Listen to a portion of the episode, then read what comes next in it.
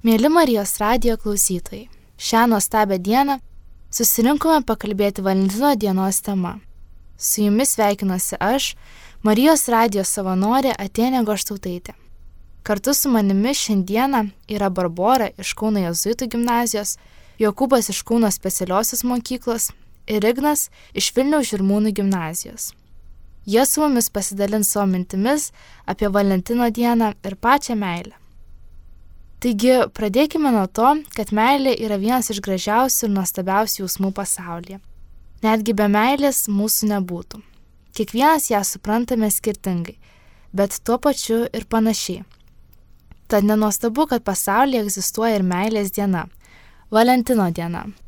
Tad Barbora, ar tu šventi Valentino dieną ir gal truputį papasakotum, kaip jūs ją švenčiat? Tai aš pati švenčiu Valentino dieną su savo mama. Mes visą laiką vienai kitai iškepam sausainių, duodam visokių meškiukų, labai daug apsikabinimų ir taip švenčiame Valentino dieną. O dabar tu kaip tik pasaky, kad jūsų mama švenčiat. Tai kaip jums atrodo, gal ir Ignas su Jokūbu galėtų pakomentuoti, kaip jums atrodo, ar galima Valentino dieną švęsti su šeima? Sutinku su tuo nes aš taip pat daug metų švenčiau Valentino dieną su šeima, nu tik tais ne mokykloje, žinoma. Taip su draugais pašvesdavai. Labai dėkui tau, Jokūbai, už atsakymą. O su kuo jums asocijuojasi pati Valentino diena? Kokie gal jos simboliai, kokios žinutės sklinda per Valentino dieną?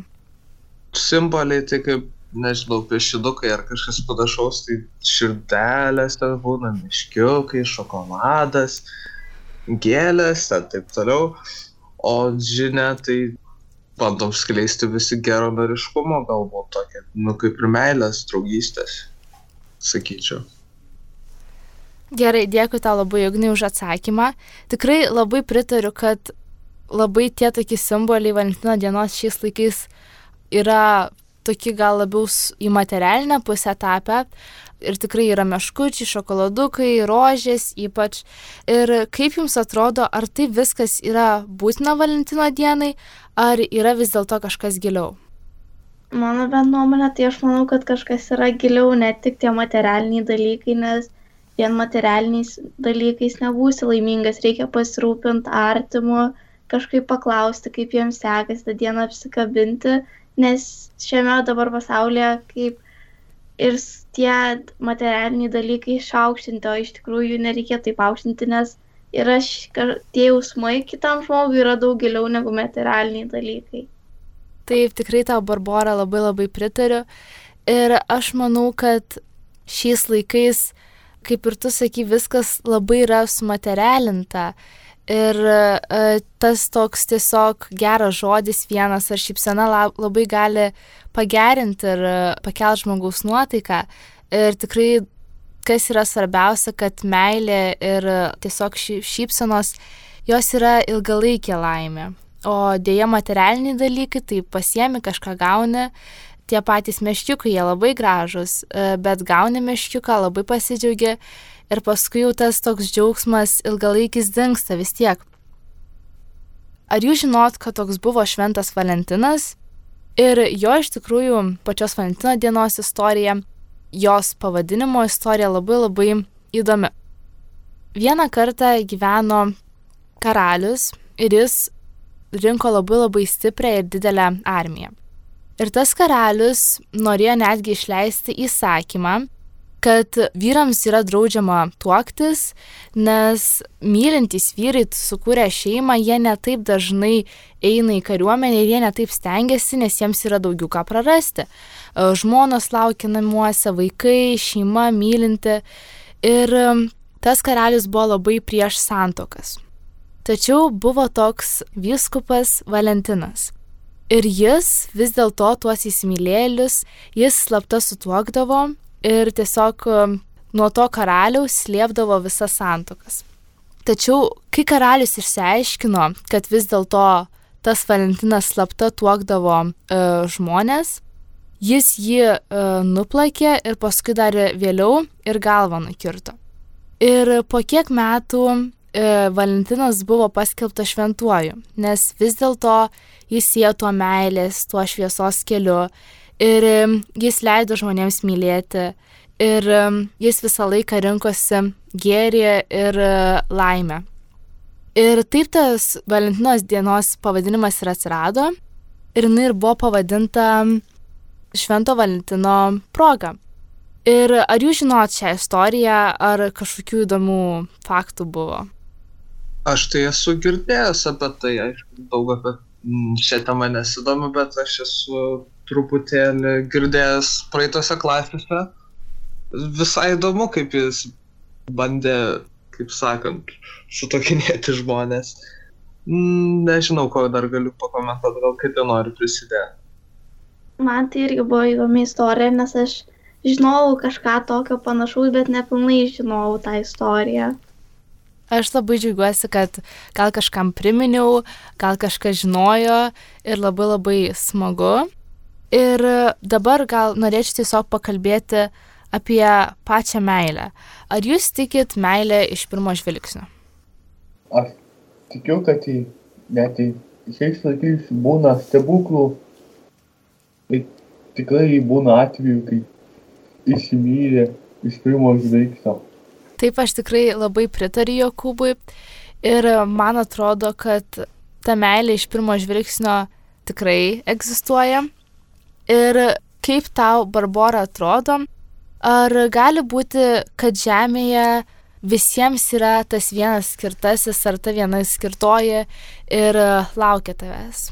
Man atrodo, kad yra, nes dėl to, kad vis tiek gyvenime sutinkame labai labai svarbių savo žmonių ir iš tų svarbių žmonių sukuriame su jais draugystę, o kadangi draugystė yra pa- paremta meilė, tai aš manau, kad yra tas išrinktasis žmogus, kas į mūsų laukia, kol mes jo susitiksim ir kai sukursime draugystę kartu.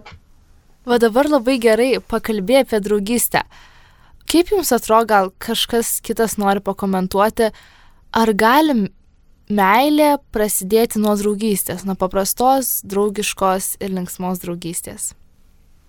Aš sakyčiau, kad dažniausiai taip ir prasideda, tu susidraugauja, tu ir tada kažkas išsirutulioja didesnio. Mm, Reti atvejai, kai, tarkim, susibendrauja ir tiesiog iškart prie meilės. Nu, aišku, yra, nesakau, kad nėra, bet dažniausiai iš draugystės taip ir atsiranda tokie ryšiai, bent jau mano nuomonė.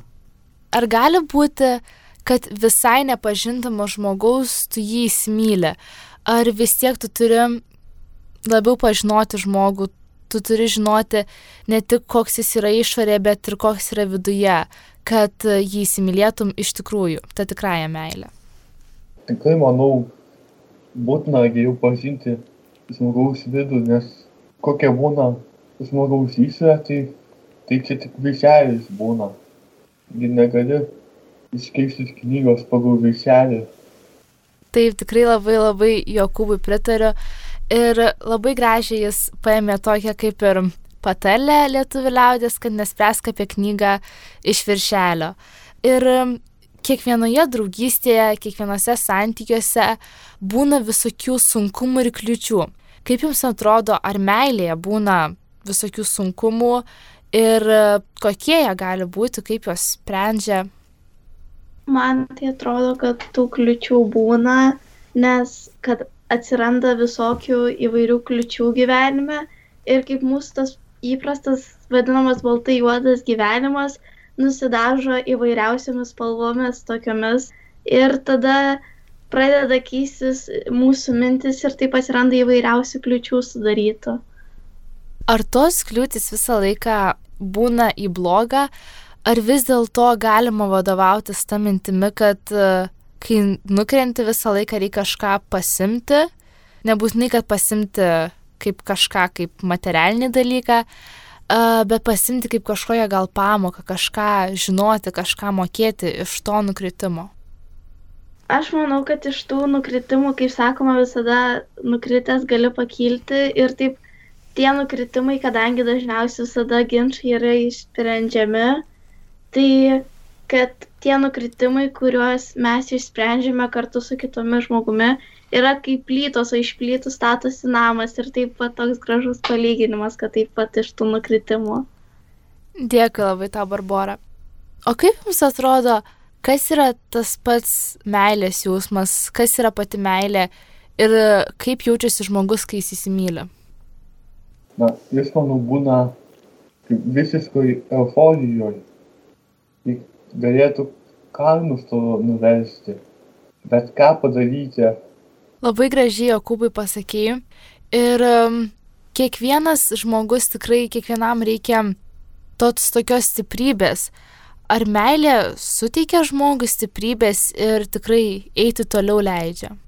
Manau, dažniausiai suteikia stiprybės eiti toliau. Kartais būna atveju, kad tiesiog iš vis pasimeta žmogus, bet aš tikrai manau, kad suteikia stiprybės eiti toliau, siekti kažko daugiau. Labai tikrai graži tavo nuomonė ir tikrai pritariu, kad kai žmogus myli, jam atrodo, kad tikrai viskas yra labai lengva ir viskas yra įmanoma. O be šito faktoriaus, kad tikrai meilė labai labai daug duoda žmogui drąsos, kaip jums atrodo, kodėl dar meilė egzistuoja ir kaip ji atsirado? Tai, manau, tai pati meilė atsirado dar prieš patį laiką, kada, nes viešpats mus pačius pamilo, įsikūrė mums pasaulį taip pat daug gyvūnų užtvėrė juos iš, iš meilės padarė. Tikrai labai labai teisingai pasakėjai ir be meilės mūsų tikrai nebūtų. Ir dabar kaip tik, kai užsiminiai apie Dievo kūrinijas ir Biblijoje himne meiliai yra rašoma. Meilė niekada nesibaigia. Ar gali būti, kad iš tikrųjų tikra meilė jinai niekada nepasibaigia? kad ir kaip tu pyktum ant žmogaus, kad ir kokia tau prasta diena bebūtų, kad ir koks nusivylęs bebūtum, jeigu tu iš tikrųjų myli, tai meilė niekada neišblėsta. Ar gali tai būti tiesa? Taip, čia aš ir matau tokį meilės pagrindą, pamatą, kokia stipri yra tikroji meilė. Ar gali būti, kad ta tikroji meilė yra tik vieną kartą gyvenime ir vis dėlto galima patirti tikrąją meilę ir daugiau kartų. Kaip tau atrodo, Ignai? Na, čia labai toks klausimas, kurį galima, kaip sakoma, panaudoti debatuose, bet iš esmės manau, kad gali būti daug kartų. Ir galų gale gal kada nors surasi tą vieną tikrąją. Gal. Taip, iš tikrųjų pritariu tau, kad visą laiką tikroji meilė egzistuoja ir kol jinai egzistuoja, tikrai yra geriau žymiai.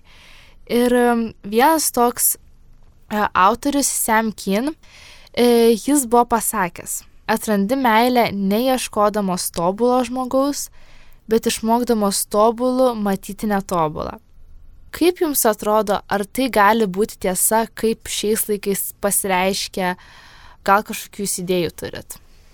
Na, sutinku su to, ką tu sakei, nes tiesiog gerai pagalvojus, visi turim trūkumus. O ar tas netobulas žmogus, kuris buvo pavaizduotas jo citatoje, tarkim, nežinau, visų kitų akimis jis gali būti matomas netobulų žmogum. Ar gali būti taip, kad tikrai to mylinčiojo akimis tu kitą žmogų pamatai kaip tobulą ir jis tau yra nuostabus. Kaip tau atrodo, Barbara? Tai man atrodo, jeigu jau tau bendrauji su tuo žmogum, tai kiekvieną dieną stengiasi pamatyti apie jų daug daugiau pozityvių dalykų, kas tau labiau patinka. Ir taip, kad, kad ir jisai netobulas, tau tas žmogus taip patinka, kad net ir jo visi trūkumai, nu tau kaip jie ir kaip tu juos ir prisijaukini, jie, nu, jie tiesiog patampa tokiais kaip ir pliusais. Dėkui labai labai tau už tavo atsakymą. Tikrai tau pritariu, kad tu tiesiog prie to žmogaus taip pripranti ir tau jis tiesiog pasidaro mielas ir gražus, kad ir koks jis bebūtų. Ir tu tiesiog tiki ir tu žinai, kad tu jį visą laiką mylėsi. Ir kaip jums atrodo, kaip tą meilę suvokia šiuolaikinis jaunimas ir kuo jinai skiriasi, ar gal nesiskiria, um, nuo vyresnių kartų? Na, kaip ir tu pradžioje minėjai, kad dabar jau esame labiau materialistiški mes, esame pripratę prie to materializmo, tarkim, manau, prieš mus buvusio kartos arba, arba dar ankstesnėje kartoje, tai visai kitaip buvo, mažiau buvo pasireiškęs materializmas, taip aš čia manau. Aš tikrai tau, Jokūvai, pritariu. Ir um, kaip tau atrodo pačiam, ar šiais laikais vis dėlto yra įmanoma rasti tą žmogų, kuriam nebūtų taip svarbu materialiniai dalykai, išvaizda, o gal tokių žmonių labai daug yra? Manau, kad taip žmonės yra mažiau materialistiški, tie, kurie kur nors tiki Dievu, nebūtinai yra krikščionys, gal taip pat ir kitų religijų, jie daugiau pasirinčia gyvenimu ne savo Dievui, mąsto apie kažką aukštesnio. Aš tikrai labai tau pritariu ir man labai patiko to mintis, kad tu pasaky, kad nebūtinai žmogus turi būti krikščionis, svarbu, kad jis tiki kažkuo, svarbu, kad jis tiki kažkuo aukštesniu, svarbu, kad jis tiki šviesa, gėriu, laimę. Ir man tikrai pačiai atrodo, kad ieškoti šviesos, ieškoti gėrio, džiaugsmo gyvenime yra labai labai svarbu. Ir tikrai ne visi tai sugeba, bet tie, kurie sugeba, yra žymiai laimingesni žmonės. Ir jie tiesiog mato daugiau gėrio aplink save ir jie kuria gėrį ir jie patys yra šviesa. O kaip jums atrodo, ar yra meilė kažkokia amžiaus riba, nuo kada žmogus turėtų mylėti, nuo kada ne, ar meilė tiesiog yra beribė? Aš sakyčiau, yra beribė, tik tai gal mūsų socialiniai standartai ir pačių nustatytos ribos kartais riboja nu, nes būtų keista, jeigu, tarkim, koks vaikas su suaugusiu. Bet aš manau, kad taip gali atsitikti, nu, bet, sakau, socialinės normos tam tikras yra. Tai tiek. O dėl tų socialinių normų, ar gali būti, kad tikrai tos normos tam tikros socialinės nebūtinai pagal amžiaus ribą, bet tarkim pagal išvaizdą, pagal tą pateikimą meilės, ar gali būti, kad jos kiša koją tai tikrajai meiliai ir ar gali būti, kad e, jos tiesiog žmonės priverčia susigalvoti kažką to, kas nėra tikroji meilė. Bent jau man atrodo, kad e, kaip mes kalbėjom, kad kai jau žmogus tau patinka, tai kai su juo kiekvieną dieną jį matai kaip tobulesnį ir tobulesnį, bet aišku, kartais žmonių tam tikri padaryti dalykai ar emocijos tam tikros gali pakišti koją tai visai mūsų draugystėj, nes, nu, įvairių būna dalykų, kurie iš tikrųjų gali sugriauti visą mūsų draugystę su kita žmogum. Taip, tikrai labai labai tau, Barbara, pritariu, kad labai svarbu yra gyvenime ne tik kaip žmogus atrodo, bet ir kaip elgesi, ir kaip elgesi skirtingose situacijose, ir kaip jis reaguoja į jas, kaip jums atrodo, ar um, ta pati meilė yra tokia, kad um, tu eitum už tą žmogų bet kada, bet kokiais atvejais ir um, tu tikrai norėtum ir linkėtum jam tik ko geriausio ir kad jis svarbiausia laimingas būtų. Na taip, tikrai linkėčiau tam žmogui viso ko geriausio, nu, meščiausi už tą žmogų, prašyčiau jam, ar jai Dievo malonių Yra toks vienas posakis, kad nuo meilės iki neapykantos yra tik vienas žingsnis. Ir kaip jums atrodo, ar tikrai gyvenime gali būti taip, kad vieną minutę tu žmogaus labai nekenti, o kitą jį labai myli, arba vieną minutę tu labai žmogų myli, o kitą jau jo nekenti. Ar gali būti taip ir tada kokiais atvejais taip gali atsitikti, o gal taip visai negali atsitikti? Man čia asmeniškai panašu į nesusipratimus, kaip tarsi iš pradžių nekenti, tai tarsi būni neišklausęs ar nežinai visos tiesos, o kai sužinai, tai iš karto myli. Kaip tau atrodo, ar teisingas posakis, kad nuo meilės iki neapykantos tik vienas žingsnis? E, Šitas posakis, manau, yra atveju, kada jis teisingas, yra kada ne, nes iš tikrųjų čia priklauso nuo mentaliteto.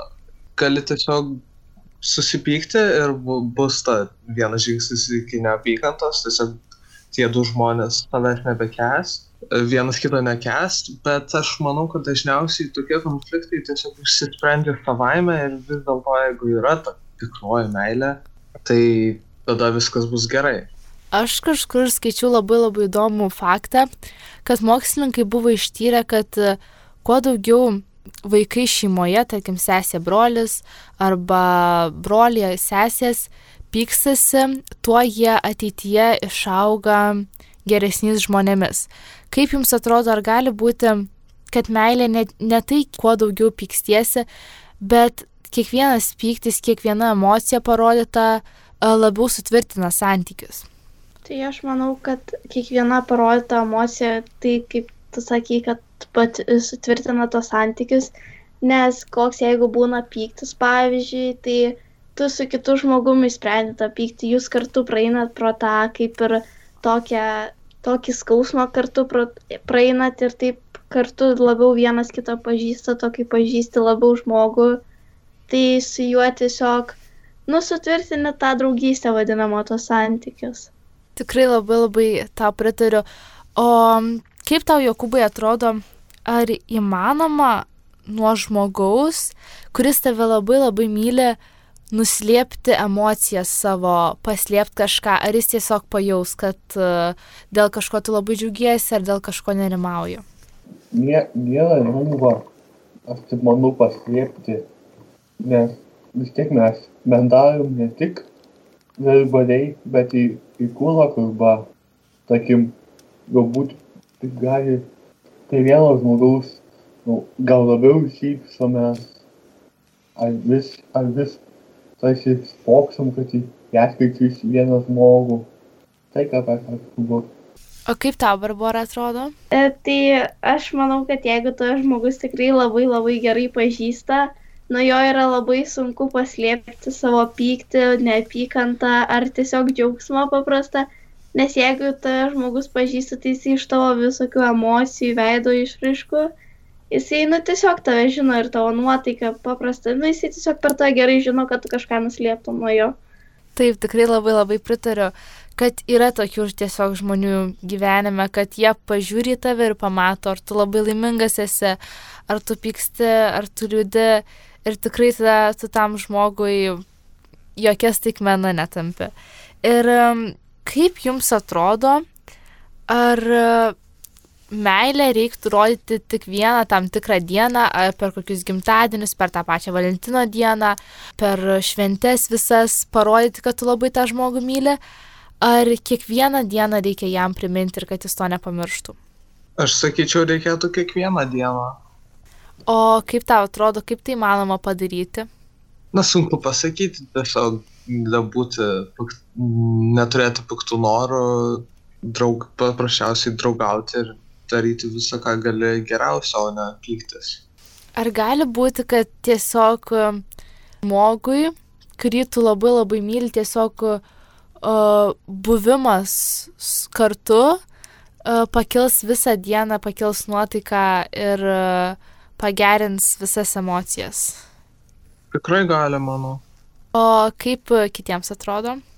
Man irgi atrodo, kad gali, nes e, su tuo žmogum, kai būni, tu pats geriau jautiesi ir jeigu būna bloga diena, tai tu tiesiog automatiškai tavo nuotaika pasikeičia, nes tu, nu, tiesiog jūs labai gerai sutarė, tos pačius interesus turite ir labai, labai smagu būna su jais. Taip, dabar dar vas kaip tik Barbara užsiminiai apie tuos pačius interesus. Irgi kažkur skaičiau, kad buvo parašyta, kad žmonės dažniausiai ir geriausiai sutarė tie, kurie yra labai skirtingi. Visi pamastykit, kaip jums atrodo, ar tai gali būti tiesa ir gal pasakykit, kuriais atvejais tai gali būti tiesa, kuriais nelabai. Manau, pagrindinis dalykas, kodėl gerai sutarė, dėl to, kad turi daugiau apie ką pasišnekėti nes abiem žmonėm patinka skirtingi dalykai. Tai, va, čia tikrai labai pritariu, nes uh, jeigu skirtingi dalykai patinka, tiesiog mes vienas kitam, tiesiog žmonės gali papasakoti apie kažkokį, nežinau, savo pomėgį, veikia. Ir man atrodo, kad tiesiog yra labai gražu. Ir kitas yra dar dalykas, kad žmonės, kurie yra labai skirtingi, gali būti, kad jie tiesiog vienas kitą papildo, išeina labai labai uh, gražus kūrinys meilė. O kokiu atveju šitas posakis nelabai tiktų ir kokiu atveju žmonės labai skirtingi vis dėlto galėtų nesutarti? manau, labiau nesutartų, kai abu galbūt visiškai nemėgsta tų dalykų, kurių, kuriuos mėgsta jis arba ir kitas žmogus.